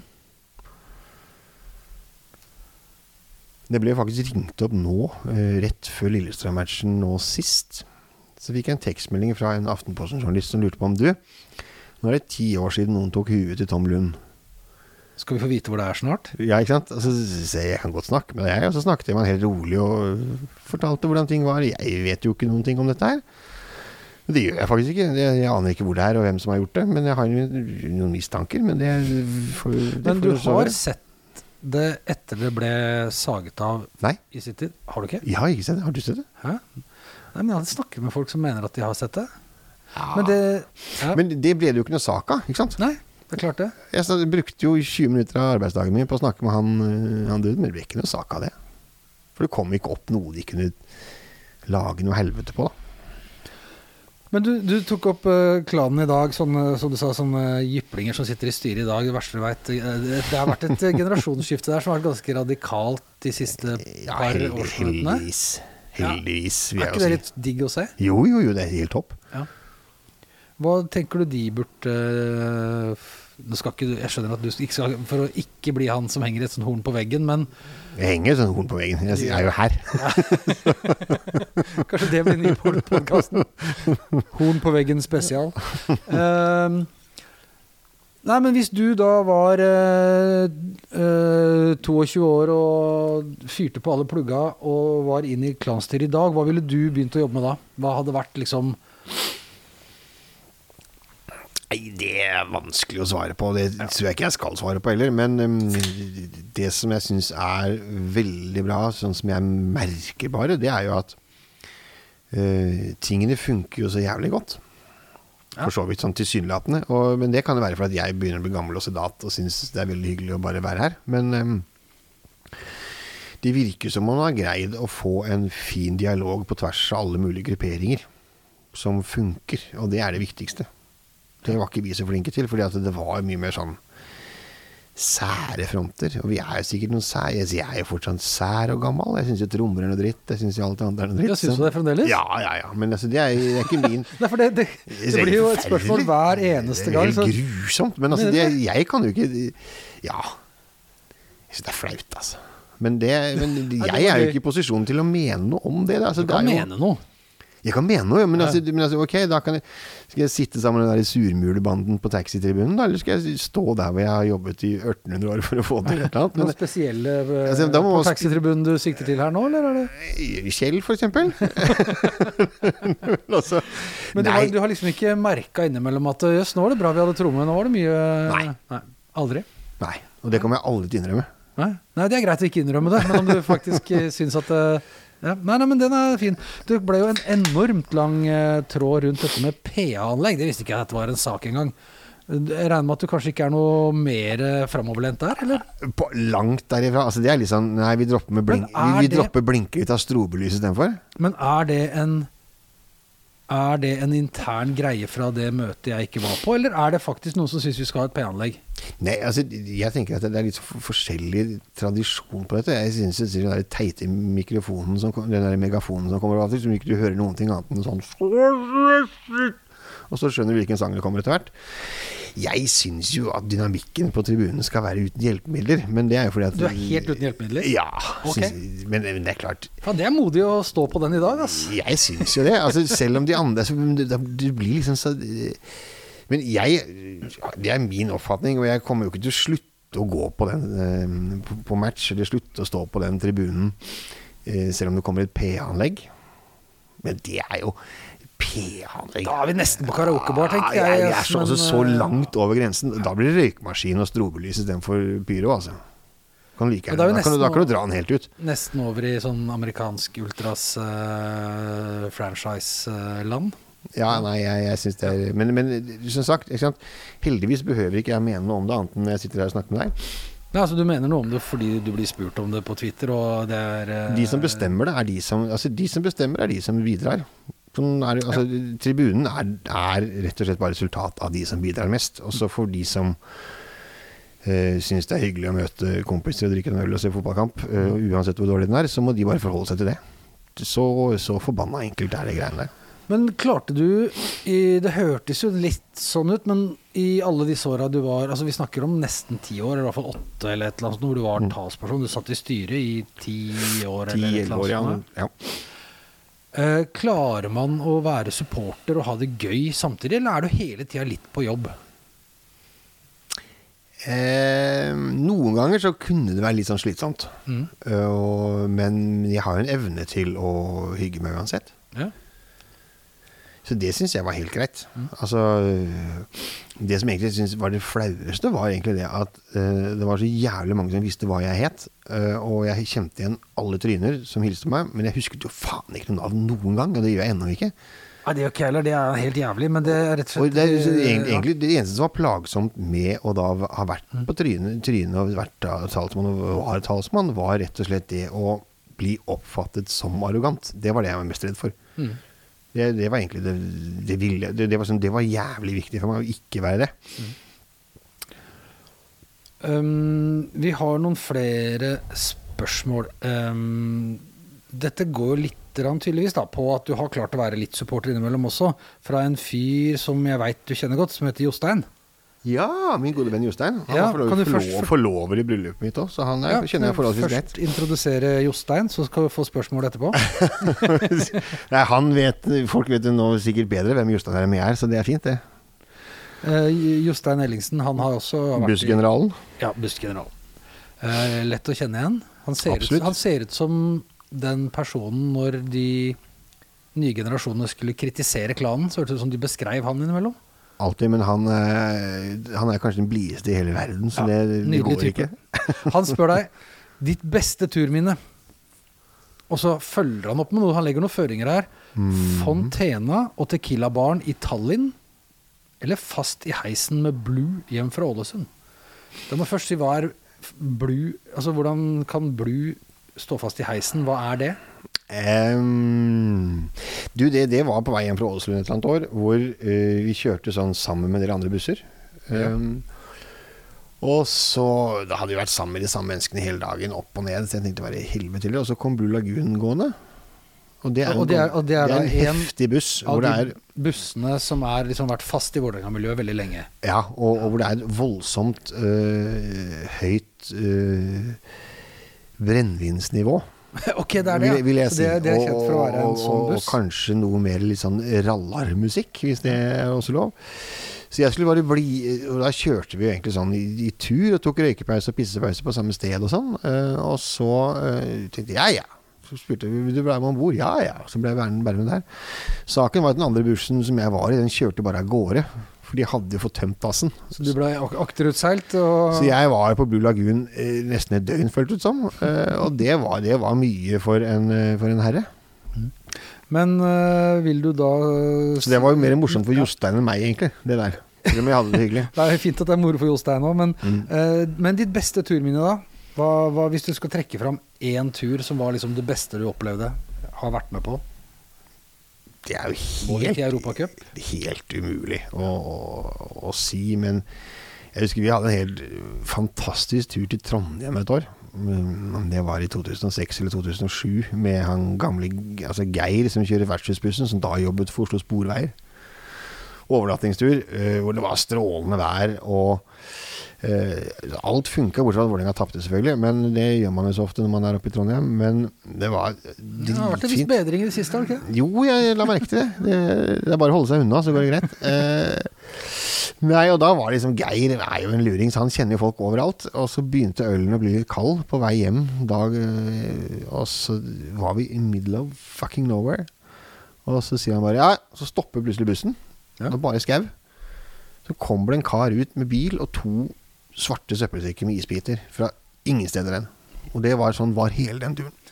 den husker jeg var. Det er sånn som bare skjer. Da, altså, Ja, ja, og det, det, var helt vilt. Det, så tur er fint, og tur med Jostein Ellingsen er jo en strålende ting, det, altså. Um, der hvor det står om uh, Han også spør da om dette med uh, Tequila-baren i Tallinn. Er det noe som uh, ringer det noen bjeller der, eller? Fontena eller Tikkila? Ja, nei, altså, vi, vi var Det var jo i Tallinn, ja. Um, nei, det ble mye Tikkila. tequila. Ja. Det ble en del tequila på, på, på mange av oss, Uh, og undertegnede eh, fikk det for seg at det måtte være veldig fint å bade i, for da var det tre fontener på rappen. Og så sånn lang fontene. Oi. Så jeg tenkte det var greit å få skylt underlivet øh, faktisk i disse fontenene. Så det, det finnes dessverre en film av dette. Ja, Det eh, syns jo selvfølgelig Jostein Ellingsen er veldig fint å minne på. Men Så er der du har noe på Vålerenga fotball, at egentlig er det jeg som er, vi som eier stadion, så har han jeg eier egentlig deg, for jeg har filma Ja. deg i Tallinn som skylder underlivet. jeg så det går null, det går til null ja. det gjør det. Um, en uh, trofast lytter som har uh, Nick uh, Cowgone Mad. Det er flere spørsmål i ett. Det er det veldig ofte på Twitter. Spontan pyro, yeah or nay? Tanker om trommene til Ikaros, det har du vært innom, så det Mhm. trenger du ikke svare med. Så står det var mye motgang før, men har det blitt bedre nå? Så står det også til stang ut. Godt å ha deg tilbake, og for det sier jeg takk. Men uh, Pyro, ja. Mm. Ubetinget ja. Har du jobba mye mot uh, Fotballforbundet og myndighetene rundt den problematikken òg? Men eh, igjen, da. Vi prøvde å jobbe litt ordentlig. eh, og jobbet sammen med, eh, med klubben. Og vi jobbet også mot en del de få i fotballforbundet som var noe å prate med. Så fikk man noen muligheter, og så gikk de dass. Og så mm, ble det jo hele tiden Du fikk så jævlig mye bøter, og da måtte vi som klanstyre Det er også litt sånn irriterende at vi måtte da være så strenge. Så, nei, da blir du utestengt hvis du pyrer. Men vi hadde jo altså, Hele holdningen vår har helt vært at det er, vår tribune, det kan vi fikse. Bare hold dere unna. Fiskekjønn, hold deg unna. Og heldigvis så fantes det da eh, personer i Vålerenga-miljøet, og der må jeg trekke frem Ikaros og den gjengen der sånn, som har vært helt strålende på det, og gjort alle de ulovlighetene som skal gjøres. Og faktisk han posseduden fra Stabekk Ja. har jo også vært en jævla fin pådriver der sånn, og kjøpte inn eh, lassevis eh, med pyro, og det var jo glad med på. Så bare delte ut. Altså Hvis alle klubbene pyrer hver match, Ja, for det var skal en slags aksjon som gikk for Ja, et par år siden. Alle Så endelig funker det. Altså Sivil ulydighet funker hvis alle er med på det. ja. Uh, og det har fungert, og nå er, det, nå er vi der vi skal være. Så det syns, jeg er helt topp. Det Men er vi der vi skal være nå? Det var jo noe debatt etter cupfinalen. Det gidder jeg noe- ikke å lese engang. jeg, For det, det er det en som sier Å, fy, fy, det var en som brant seg på fingeren. Altså, uh, Ja. det jeg husker, var jo at uh, vi hadde annet en aksjon, husker jeg. Når vi hadde blussa på Toten. Eller en annen Blussa på Toten, Blussa på Toten. Det, nei, vi blussa på Toten, ja. ja, ja det er Morten Nydal her. Men nei, altså det, det, det var et, en av disse første rundene hvor vi fikk noen bøter, og alt var trist og leit. Um, Og så Uh, husker jeg, jeg lurer på om det var da andre runde, så spilte vi mot Mjøndalen eller Mo eller noe sånt. Og var noen brunerakter, i hvert fall. Og da husker jeg um, han som vi da kalte for Pyro-Per, eh, som var i TIFO-gruppa, og en til, sto For da var vi ikke på Vestbredden, da var vi bare på Gazasvingen. Da sto de i Vestbredden med et sånt flagg, jævla, eller jævla langt banner, hvor det sto 'Er det trygt nok nå, NFF?' og så var det ett stjerneskudd, et stjerneskudd på hver. Og det som var greia, var jo at i det øyeblikket det stjerneskuddet ble tatt av, så dryppet jo ned på tommelen til Per. Nei! Så han brant seg så jævlig, men han kunne jo ikke gi det seg. Det er dritvarmt! ja. så han sto- Så han hadde jo brannsår i ukevis etterpå. Men um, Men når du heter Pyroper, så mener jeg da bør du ha brannsår på selvfølgelig- hånda. Er Selvfølgelig, Ja. selvfølgelig. Eh, så er det Espen B. Det er vel også noen du kan identifisere i din Espen? Bjørnseth har jeg jo for så vidt tatt en og annen tur med, ja. Be om å fortelle da vi tøysa det en smule til for en kubonde på busstur hjem fra bortekamp. Men uten navn, selvsagt. Jo, jeg kan godt ta med navn, for det, det, det er en veldig hyggelig historie. Dette var serieavslutning i 2007 eller 2007, tror jeg det var. Borte mot Viking, i hvert fall. Eh, som var overnattingstur. Eh, Dobbeltdekker, HMK. Svenna er selvfølgelig med. eh, og Svenna har med seg et par sånne mm, Og, og Svenna er eh, glad i Veldig glad i fyrverkeri, og det, jeg er veldig enig med altså, Ting som lukter krutt og lager lyd Ja. og lys, er jo kjempefint. Ja, nydelig. Så vi hadde med et par sånne bokser med noe batteri av noe gammelt nyttårsaftensnadder eh, som vi hadde med i bussen, som vi tenkte vi skulle ta i Jottavågen. Vålerenga taper selvfølgelig. Eh, Viking skal få bronsemedaljer. Det er liksom ikke akkurat tidspunktet for å, å fyre av noe fyrverkeri. Det blir liksom litt teit. Så Dessuten så hadde ikke Så lå fyrverkeriet igjen i bussen, fordi han hadde ikke mer igjen på den der kjøretiden sin, han sjåføren. Så vi måtte ta toget ut i Jottavågen fra Stavanger sentrum. Men Ja, for da måtte bussjåføren ha kjørt så lenge at han måtte hvile. han måtte hvile. Ja, ja, ja. Så, så det var kjørt. Men så skulle vi da dagen etter Så skulle vi stoppe på Sør Arena. For Vi da kom var til Kristiansand. Ja, Ja. på vei hjem fra Stavanger. For da var det juniorfinale eh, mellom Start og Vålerenga. Det som var morsomt med det, var jo at eh, da hadde faktisk Start rykka ned. Så dette var i 2007, ja. Eh, men da tapte jo junioren til Vålerenga, så det var jo ikke noe vits i å gjøre mer fyrverkeri da. Så da kjørte vi bare bussen videre hjemover. Og så hadde vi en liten stopp um, i Vestfold et sted. Uh, Piss og røyk. Så sier nå er det mørkt. Nå må vi faen meg ta det der fyrverkeriet, altså. Ja, ja, ja. Han hadde holdt seg over et godt år. Ja, ja, han hadde liksom. spist to poser smågodt bare for å roe seg ned, ikke sant. Så, så, så, så fikk vi da dette eh, raske ut og fyrte av mens vi hadde røykepiss. Eh, og alle syntes det var en fin tur, og takk for i år og sånne ting. Og så kjørte vi videre, og så hører jeg bare sånn «Øh, Christian, kan du komme til sjåføren? Så sier han sjåføren Du, nå snakket jeg akkurat med en illsint bonde. Eh, fordi at han sto og reparerte gjerdet, og det er et par kuer som har som har rømt. Jeg lurer på om det var noen kalver også. Ja vel, sier jeg. Og vi har politiet på slep, men de måtte stoppe for en trafikkulykke. Nå skal man ikke være glad for trafikkulykker, men altså, det var grunnen til at vi ikke blir stoppet av politiet. Og da tenkte vi faen, ja ja, vi får jo bare kjøre. Og så vokste denne historien etter hvert på vei hjem. Da, at vi kanskje vi bare kunne kjøpe den kalven av han bonden. Hvis det var en kalv som da Tenker du at du skulle kjøpe den faktisk kalven, eller at du skulle kompensere bonden for at Det ble, eh, det ble til, men altså, vi, tenk, vi fikk en idé om at kanskje serieåpning neste år, så kunne vi ha en sånn helgrillet kalv. Som vi hadde da kjøpt Det er selv. en mulighet. Det var også en mulighet. De sa frem og tilbake. Og jeg fikk Altså, en pyro Ikke sant? At, at Sven, Svenna har, eh, har skutt en kalv med pyro. Og så, Kalv hos venna. Hadde vi, altså, det hadde vært kjempefint. Men, så kunne vi grille han og, og delt den ut til Ja. Så det endte jo opp med at jeg fikk telefonnummer til bonden, og ringte han og sa du, jeg beklager, men det var sånn og sånn som skjedde. Og da var han ganske lun og fin, han. Og så sier jeg, men du, altså, du, da måtte han, ha, han måtte tilkalle masse hjelp og lete etter dyr og sette opp nytt gjerde og sånn. Så jeg, men du, du får bare sende regning på det. Altså, du, skal jo ikke være skadelidende på dette her. Og så fikk vi altså en regning fra han på 2832 kroner. Jeg. Det var billigere enn å fyre et bluss Ja, det på var sånn stadion. fire timer ekstrahjelp av 50 kroner. Liksom, så og så mange meter med eh, gjerde Jeg vet ikke hvordan gjerde de har på kur, men altså, det var liksom Ikke godt nok, tydeligvis. Nei, og det, Ja, det er Strålende fyr. Ja. Altså, men, men, og det var jo ikke noen kalver, det var bare to kuer som hadde løpt så vidt utafor. Det var ikke så ille som både bussjåføren og politiet ville ha det til. Men det gikk fint. Det- Ingen, det- Det òg. Det Altså, det jo Det, Det går som regel fint. det beriker jo livet litt av å være fotballsupporter, vi må si Definitivt. det. definitivt. Definitivt. uh, Toastmannen spør også om det var noen kontroversielle situasjoner du måtte forsvare i media når du var talsmann. Så Var det ubehagelig noen ganger? Er noe du syns du måtte liksom Nei, egentlig ikke. Altså det uh, Hvis folk velger å slåss, syns jeg det var helt greit. Det er bare ikke de plager andre. Det var jo veldig mye slåssing, da. Ja, måtte- var, var det en stor ting Og da? det syntes de var så spennende. Ja. ja, Var det det at media syntes det var spennende, eller var det mer av det før?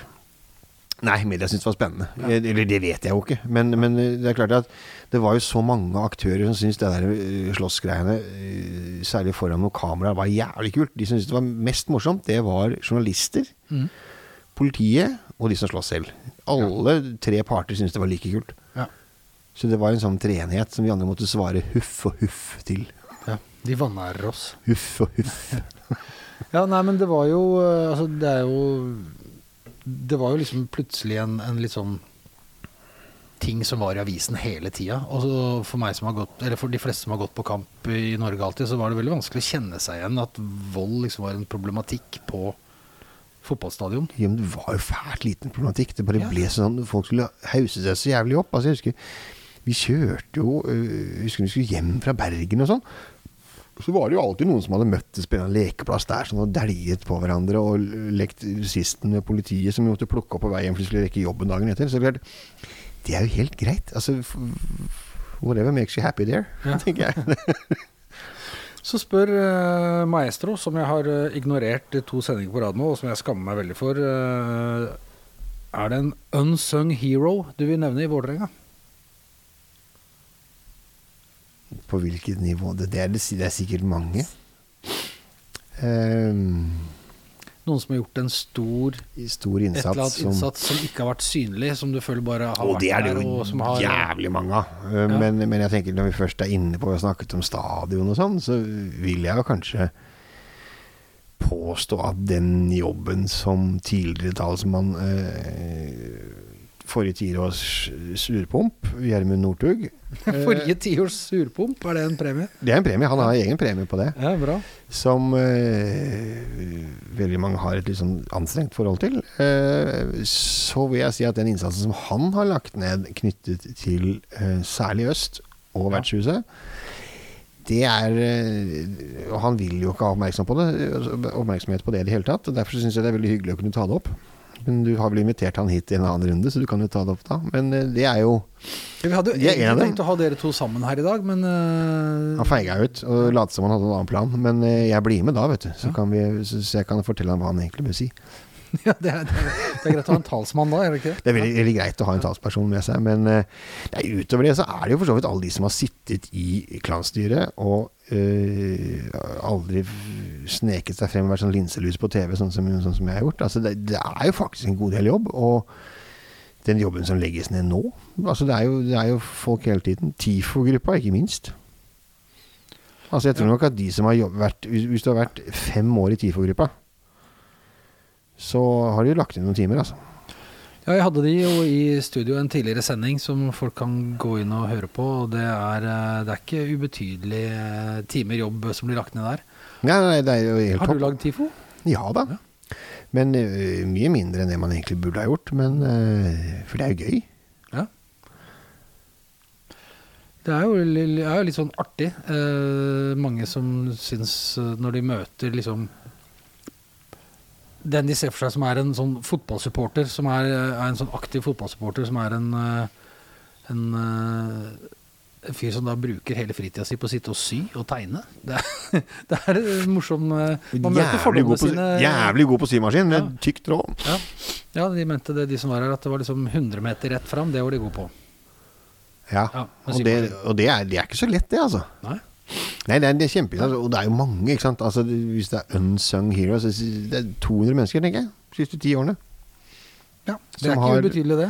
Nei, nei, nei, og, Og det, det er det, og det er det litt, som er eh, kult med det. Altså, og, og, og det er derfor man på en måte skal um, I hvert fall sånn som jeg tenker. Altså, fordi at når jeg satt i klanen, så blir du du blir liksom forbanna på at du bare får kjeft. Ja, Du fikk mye kjeft, syns du? Ja, enten så altså, du, du fikk kjeft av de som um, uh, syntes vi var for streite, og så fikk du jo kjeft av de som syntes at vi var ikke streite nok. Det var alltid noe gærent. Det var aldri liksom Ja, nei, jeg kikka inn i de På den tiden så var det jo et sånt eh, chatteforum Ja, det var jo Og det er, en, forferdelig greier. det er et mørkt hull Ja, det er et stygt, stygt, jeg- hull Jeg gikk inn der og så noe, og der var det, Det hva var- i, Hvem i helvete har gitt han idioten rett til å snakke på vegne av oss? Ja, Sånn det var sånn vemig dronning. Altså, det var Altså, ja, det er jo noe Jeg får jo Twitter til å virke som, uh, som Sound of Music. Altså jeg tenker El- Elon Musk kan egentlig bare få hele det der forumet. Det kan han drive og kose seg med det. Altså, for Det det, det var helvete. strål- Ja, det, var, det var svarte greier, altså. ja, det var, det var bekmørkt. Så noen måtte si Jo, du skjønner, vi ble valgt av årsmøtet Ja, på vegne av Du kunne møtt opp der og sagt de tingene. Det er fritid. Ja. Det er hobbyen min. Jeg bruker ja. Ja, ja. Men, altså, og derfor så tenker jeg det er viktig å liksom gi en sånn lite ekstra Ja, så bra at dere gidder å stille opp. har, det blitt, har vi blitt flinkere til det nå? Å være litt sånn, gi litt tommel opp og klappe folk litt på skulderen, som gjør ting? Det, det vet jeg Vi ikke. håper det. Vet ikke. Jeg vet ikke om vi er så jævla flinke til det. Jeg prøver å være flink til det nå. Ja. Ja. Men eh, sånn ellers, det er jo ikke det første jeg sier til de jeg vet er i klanen. sier Oi, så flink du er. Nei. Man slenger heller med leppa, men det er jo for å være hyggelig. Så eh, jeg vet ikke. Det må nesten, det må nesten nåværende klanstyre svare på. Og det, men sånn er det jo. Altså, det, var kult å sitte i klanstyret. Altså. Det var. Jeg likte det veldig godt. Ja, du, jeg håper Men det. Men totalt sett så var det, var det kjempegøy. Ja. Hvis du brukte 10-12 år av livet på det, så håper jeg virkelig at du syns at det var litt ålreit òg. Det var det, var det, var et miljø, og man følte jo på en måte at man Har du fått venner der som du ikke Ja. hadde møtt ellers? Ja, absolutt. Som du fremdeles er kompis med? Definitivt. Mm. Abs ja, absolutt, for det var det det var. Og så syns jeg det var Det var liksom den drivkraften å legge til rette for noe du syntes var kult sjæl. Og du hadde penger til å kunne tilby en buss. Mm. Du kunne, du kunne forvalte noe penger. til. ja, ja, selvfølgelig, da blir det kun 200 tur-retur Ålesund denne gangen. For de 200 første som melder seg. Altså, det er jo dritkult å kunne gjøre. For det var det du hadde lyst til selv som supporter. Altså det, gjøre, gjøre det bra. Hva er det, aller, det du er aller mest fornøyd med når du liksom tenker tilbake nå? Det er, og dette var veldig sånn selvbiografi, sånn når du ser tilbake i dag. Men, Ja. altså, jo, men altså, hvis du tenker på noe som var skikkelig kult å stå og fronte på vegne av eh, Vålerenga, eh, på vegne av klanen, når du følte at eh, Ja, dette var verdt det. Dette var faen Jo, men det, det er som jeg sa innledningsvis. Det er når jeg runder på vei til hjemmematchen og runder liksom hjørnet bak uh, taxitribunen. Ja. og kjenner grillukt og hører sånn pjatring, så vet jeg hva som møter meg rundt hjørnet og ned trappa der, sånn. Så tenker jeg ja, fett. Fett. Jeg er veldig glad for at jeg kunne være med på det og bruke de tolv årene på det. Det, det er det verdt. Det er liksom, der er vi faktisk uh, unike i Norden, i hvert fall. Det er vel egentlig kanskje det feteste utestedet, ut- eller uteområdet, bortsett fra i Tyskland. Altså, det er fett å være på hjemmematcher for det. Som en vanlig sånn stadiongjenger, så vil jeg, det vil jeg faktisk eh, ikke nøle med å skrive noe på. Å- Nei, det funker. Å, være uh, gjest, som man nesten føler seg som når man kommer hit nå, det Mm. er en helt utrolig kul sånn fotballsupporteropplevelse. Da, da kan du klappe deg på skulderen og si liksom Bra gjort, Kjeldsen. Nei, heller at det var verdt det. Ja. Altså, det, det har alltid vært sånn, du skal liksom ikke ha noe skryt heller. Gratis, Det er, litt, det er ikke så veldig vålerengask å ikke ville skryte, da. Vi, vi er jo kjent for å skryte, har ikke så mye å skryte av, men vi er Jeg kan kjent godt for å stå, skryte. jeg kan godt stå på Bohemen og skryte av meg sjøl, det går fint. Men man skal ikke ha det sånn offisielt. Nei. Det er litt mer Vålerenga, Mm. Egentlig. Altså, det, det, for det er liksom Jeg vil viktig. ikke nøye, jeg vil ikke nøle et sekund med å skryte av stadionopplevelsen når jeg kommer hit som, som supporter. Nei, nei, og det er helt fett. Er helt fett. Men, helt fantastisk. Men, men altså, man, det, er liksom, det er klanen Ja. som har gjort det. Det er, ikke, det er ikke meg, det er ikke de som satt da. Det er klanen som har gjort det, og det er jævlig viktig. For det, Ja. du velger helt sjæl. Altså, det er ikke noe offer å drive med det. Det er faktisk det, det- det er noe du velger Altså, noen velger å samle frimerker. Mm. Eller plater, eller sånne ting. Men ja, det var eh, altså nå, nå hadde jeg glemt det, men jeg lurte på Hva har du brukt mest penger på, tror du, i livet ditt? Har du brukt mest penger på vinylskiver eller fotball? Det er ganske likt. Og er, nei, jeg har kanskje brukt mer på, på, på musikk, altså. For det er jo mye dy- når man kjøper sånne dyre ting, så blir det mye dyrere. Jeg vet ikke. Altså, jeg så spørsmålet på Twitter, og så tenkte jeg at det Nei, det orker jeg ikke å tenke på, egentlig. Men eh, Vil det liksom det å sette en verdi på det, vil eh, på en måte forringe opplevelsen? definitivt.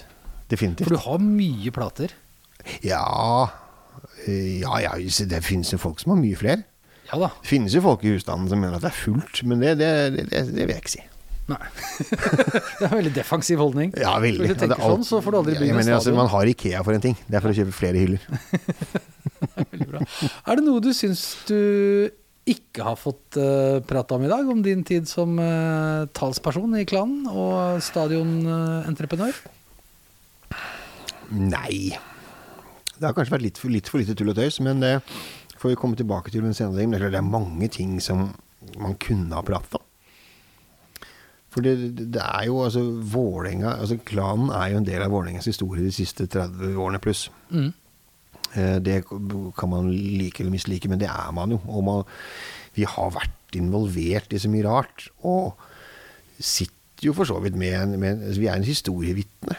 Altså Hvis du setter sammen tre-fire av oss, så kan du for så vidt dekke 30 år av Vålerengas historie sett fra klansiden og mer eller mindre involvert. Og det kunne vi jo snakket masse om. Kunne snakket mye om. eh, Det er det man har podkaster for. styrer og det man kan snakke om, investorer og alle ting. Men, det- men eh, Det kom det et det møte nå med uh, investor Trøim, som kom litt ut av det blå.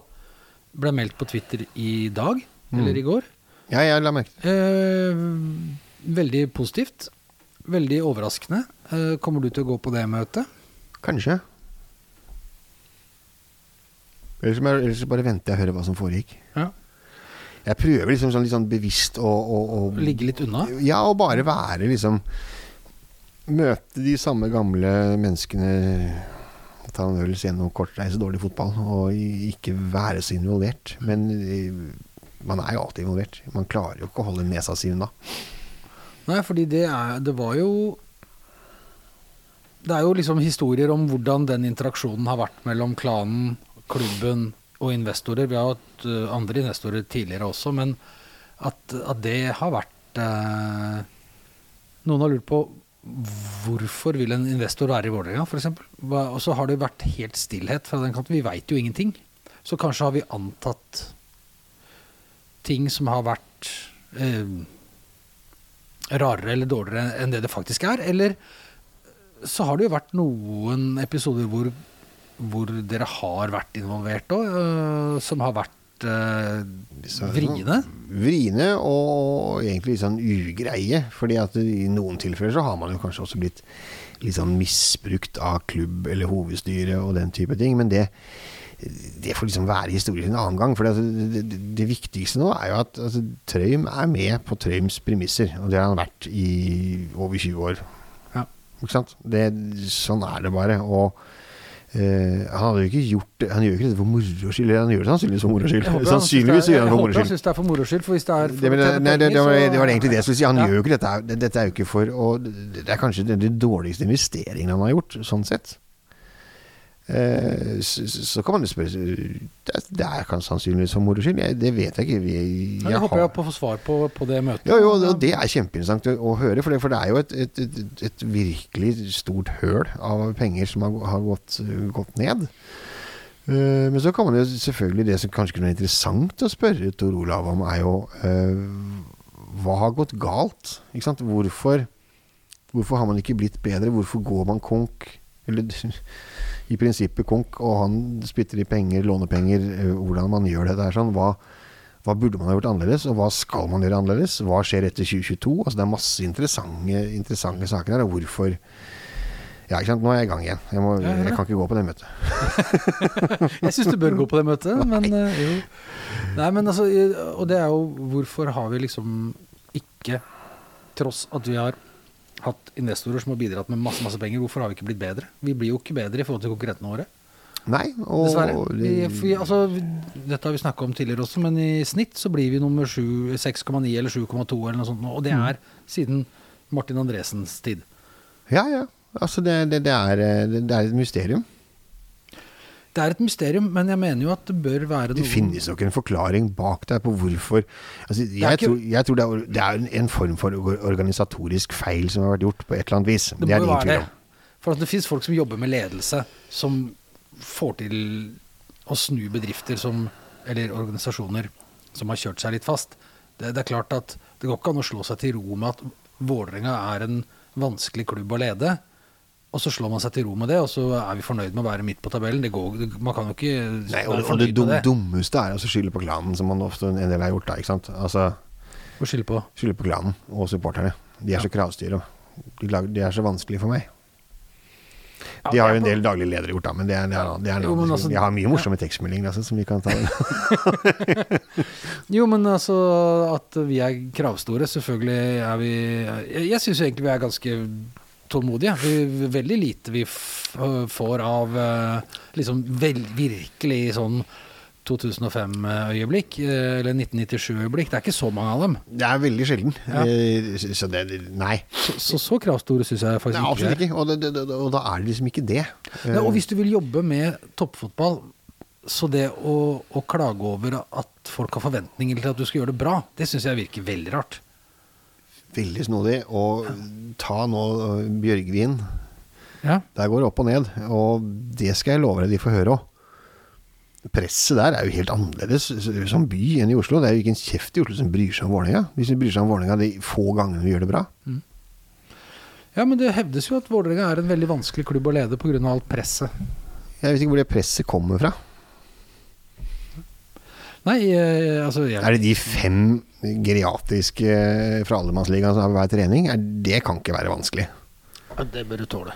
Ja, det syns jeg. Altså, de sikkert kan være nokså skumle til å være altså, gamle, sinte, old, grumpy old man. Det er klart det er øh, Men du har, fått, du har altså fått tekstmeldinger fra folk i styret i Vålerenga fotball elite oh, ja, ja, som har bedt deg om å, å ikke Være litt grei. være litt grei? Ja, nei, det var mye sånn altså, det, Ikke direkte det, men det var, klart, det var noe med tonen, da. Liksom, må, man, må det være så, så strenge og sinte? Det blir liksom for teit. Ja, det må vi. For det er det som er altså, Ja, det, det, det, det er hele greia. sånn Det er derfor vi er jævla blid og jævla sur. Ja, men altså, det er fordi dette det betyr noe for oss. Ja. Det verste er jo å være eh, på en måte Ja, ja. Bra prøvd. Kjempefint. Ja, Bra prøvd. Altså, det, og det, det lurer jeg på om alle som jobber i, eh, i eh, fotballklubber, eller spiller på fotballklubber, forstår at grunnen til at folk blir altså hisser seg opp, eller engasjerer seg, eller blir sinna, eller sånn, det er fordi det betyr noe. Mm. Det, det har veldig masse å si for veldig mange personer, og det er ikke, det er ikke bare en jobb. Og, og det er vel noe av det som vi etter hvert har lært, at ok, så har du kjempestore profiler som er i klubben. Som eh, Kjetil Rekdal, Kjetil Siem, for en saks skyld, kjempetype som tar masse plass og sånn, og sier hvordan ting skal gjøres, hvordan ting er.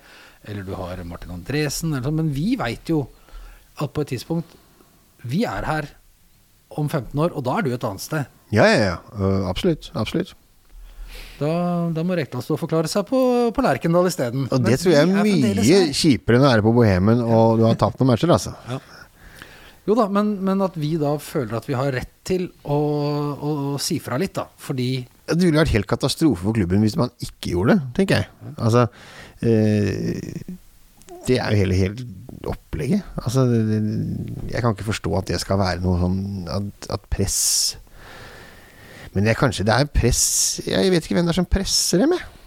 Altså, vi presser dem jo ved å, å være veldig glad når det er en scoring i ny og ne.